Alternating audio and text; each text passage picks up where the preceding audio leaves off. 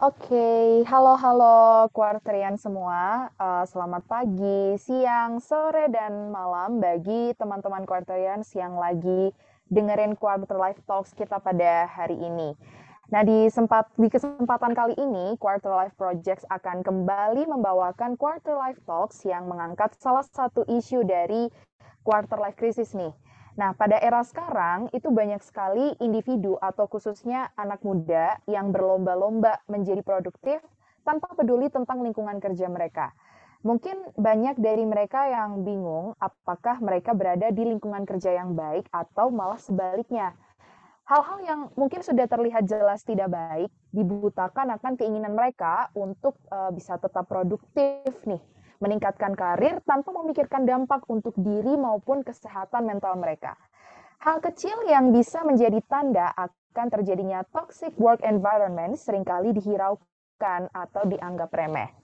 So, hari ini Quarter Life Projects membawakan Quarter Life Talks dengan judul Signs of Toxic Work Environment.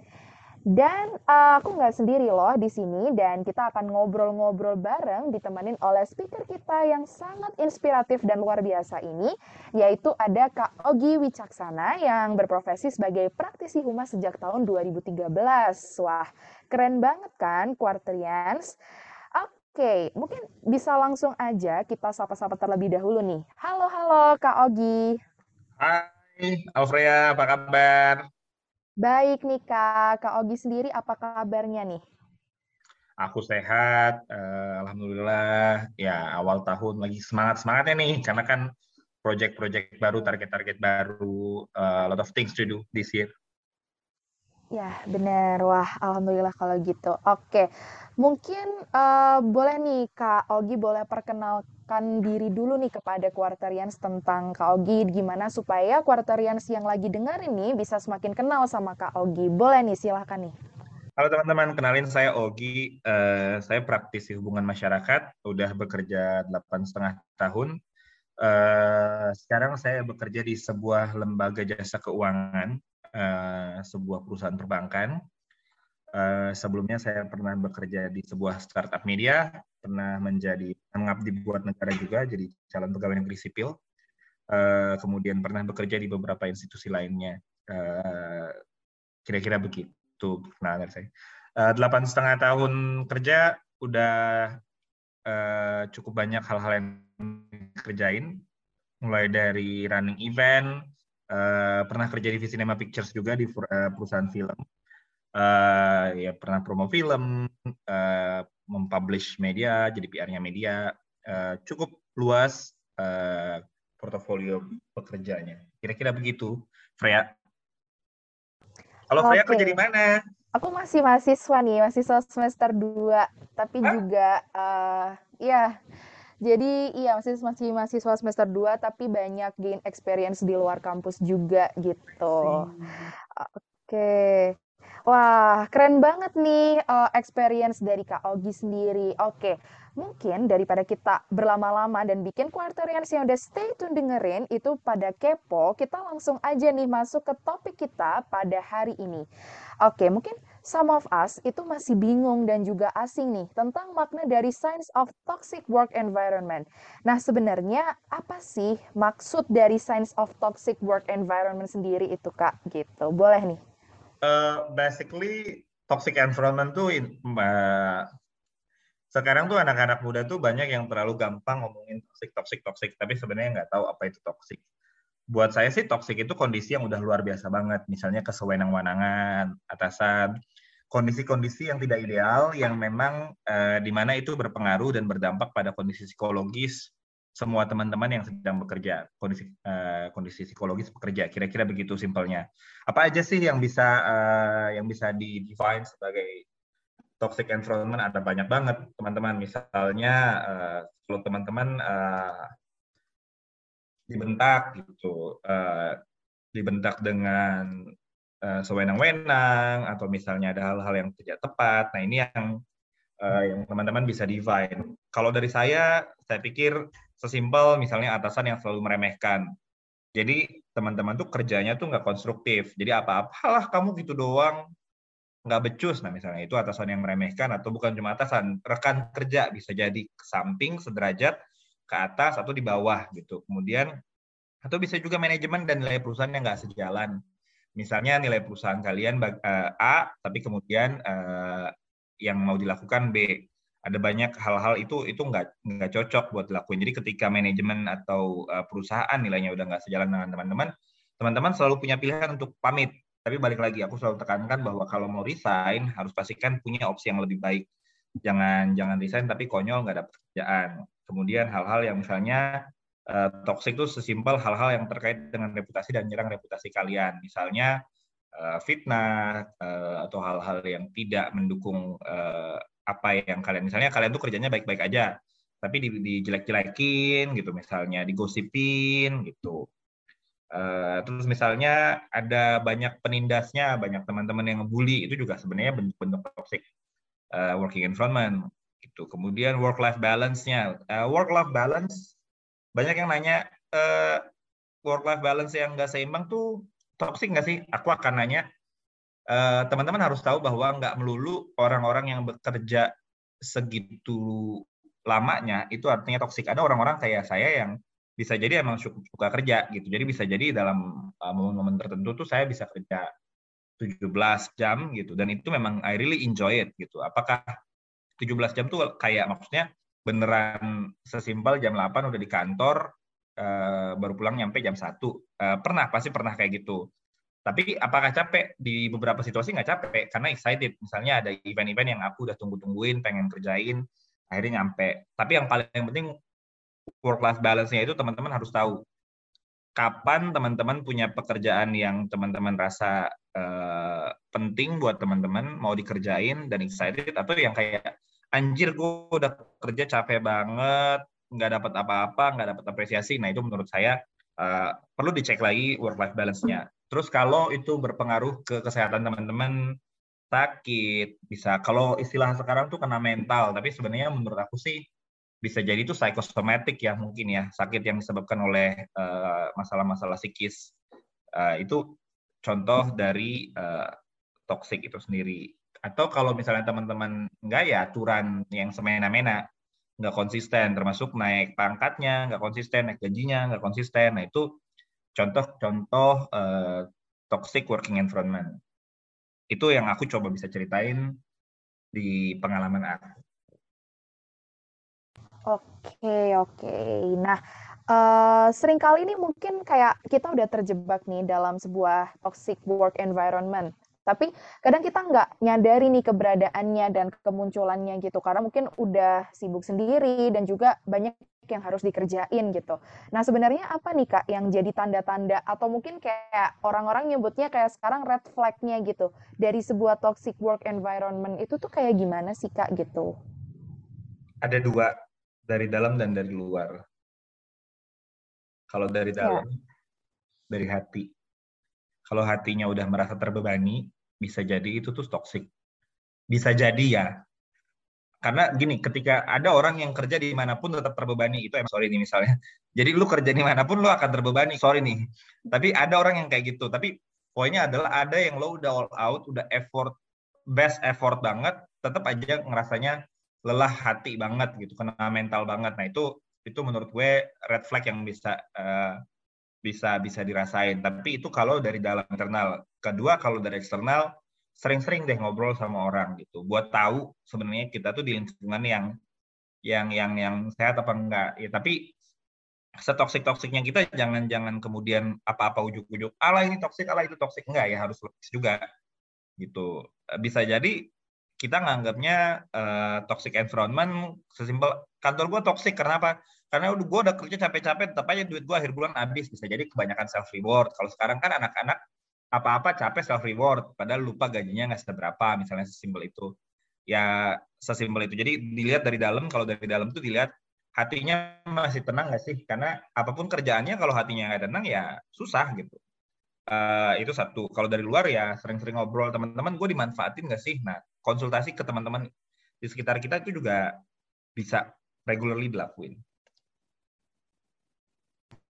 Oke, nah Quarterians kita tuh harus aware nih sama tanda-tanda tersebut supaya kita nggak terjebak nih sama sebuah toxic work environment yang tentunya itu tidak akan membawa positive impact pada diri kita sendiri.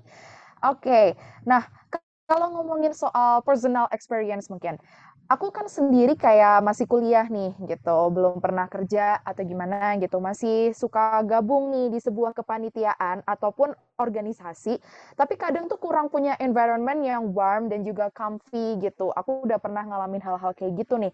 Kalau Kak Ogi sendiri nih ya, itu pernah nggak sih kayak terjebak dalam sebuah toxic work environment gitu? Uh, pernah ketika gue bahkan takut mau ketemu sama atasan gue selalu takut. Hmm. gitu. Jadi itu itu contoh itu ini kan pengalaman saya ya. Pengalaman ya. saya ketika menghadapi uh, kalau pertanyaan adalah bagaimana uh, ini pertanyaan selanjutnya bagaimana saya mengatasi? Iya nggak sih?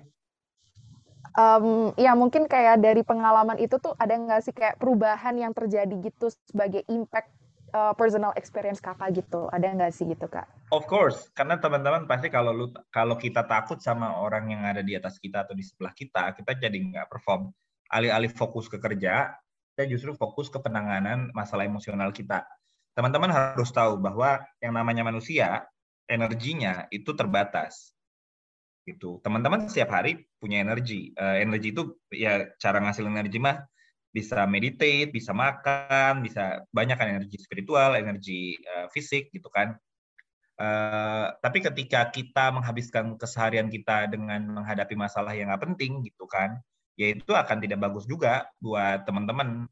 Karena ya uh, kalau dari saya akhirnya dianggapnya nggak perform. Padahal bisa jadi sebenarnya akhirnya ketidakperforman itu karena ketika saya mau bikin apa-apa saya itu udah takut salah duluan di depan. Dan itu nggak bagus buat siapa pun gitu. Karena akhirnya ide-ide kreativitas kreativitas itu hanya bisa muncul ketika kita lagi nggak nggak dalam kondisi yang takut gitu. Karena kalau belum apa-apa udah takut salah ya nggak akan kejadian barangnya gitu kan. Nah dalam kondisi itu saya memilih untuk eh, pertama mencoba untuk mengatasi permasalahannya yaitu menghilangkan rasa takutnya, berdialog, berkomunikasi, uh, sembari saya menyelesaikan proyek yang existing dan pada akhirnya saya memilih untuk ya udah saya pamit karena teman-teman harus tahu bahwa ketika uh, ada dua opsi untuk mengatasi toxic work environment antara kita pamit uh, berpisah baik-baik atau yang memperbaiki dalam tanda kutip memperbaiki diri sendiri dan menjadi lebih superior. Itu karena toxic toxicity ini terjadi karena kita menjadi orang yang tidak superiornya. Ibaratnya kalau ya tadi seperti saya bilang uh, toxic itu karena kita yang dibully kalau kita ngebully kita mungkin nggak ngerasa itu toxic kalau kita yang dalam tanda kutip ngata-ngatain orang, kita nggak akan ngerasa toksik. Karena beberapa orang itu yang rasanya biasa aja, bercanda gitu. Tapi walaupun kadang-kadang bercanda berlebihan. Toxicity bakal berasa kalau kita yang dibully, kita yang menjadi sasaran. Itu. Nah, saran saya ya eh, tingkatkan dominasi. Gitu. Kalau mau tetap di dalam, dominasinya ditingkatkan atau rangkul society-nya atau bisa juga meningkatkan performa. Kalau enggak ya resign. Jadi opsinya sesimpel itu. If you want to stay, be a lion, or if you want to quit, ya just quit. Oke, nah kalau kita tadi udah bicara nih soal impact gitu ya, berdasarkan personal experience Kak Ogi gitu. Hmm. Apabila kita berada pada sebuah toxic work environment. Nah, uh, mungkin gimana sih uh, ada nggak kayak tips-tips khusus gitu supaya kita bisa uh, mengatasi atau dealing with the situation? Karena kayak nggak mungkin kan kayak tiba-tiba tuh kita avoiding the situation. Nah ada nggak sih kayak cara-cara dari Kak Ogi sendiri untuk mengatasi ini secara profesional terlebih dalam fase quarter life gitu? Heads up. Heads up aja opsinya. Kalau dari saya menghadapi permasalahannya urai benang kusutnya lawan lawan itu dalam arti lawan ketakutanmu hadapi masalahnya uraikan masalahnya selesaikan permasalahan yang mungkin terjadi. Karena eh, setiap ada masalah kita selalu cuma punya dua pilihan to face the problem or to quit itu kan untuk lari dari masalah. Eh, ya pilihannya selalu sesimpel itu. Kalau dari saya opsinya yang di kondisi itu adalah uh, mencari opsi permasalahan. Bisa lewat mediasi, mohon dimediasi antara saya dengan uh, rekan kerja tersebut uh, atau bisa jadi ya ya opsi yang terbaik selalu saya jawab mediasi gitu. Karena mediasi dengan mediasi itu ya tentu kita juga harus nurunin ego tentu uh, partner kita itu juga harus nurunin ego. Kalau dari saya kira-kira seperti itu Oke, keren banget nih uh, saran dan juga motivasi dari Kak Ogi gitu tentang apa ya cara-cara yang udah disampaikan nih untuk kita bisa avoiding ini secara profesional. Nah, mungkin uh, sebagai penutup nih, boleh nggak sih Kak uh, Kak Ogi ini kasih tips dan juga pesan untuk anak-anak muda nih, terutama quarterians yang lagi dengerin dan mungkin sedang mengalami hal tersebut gitu.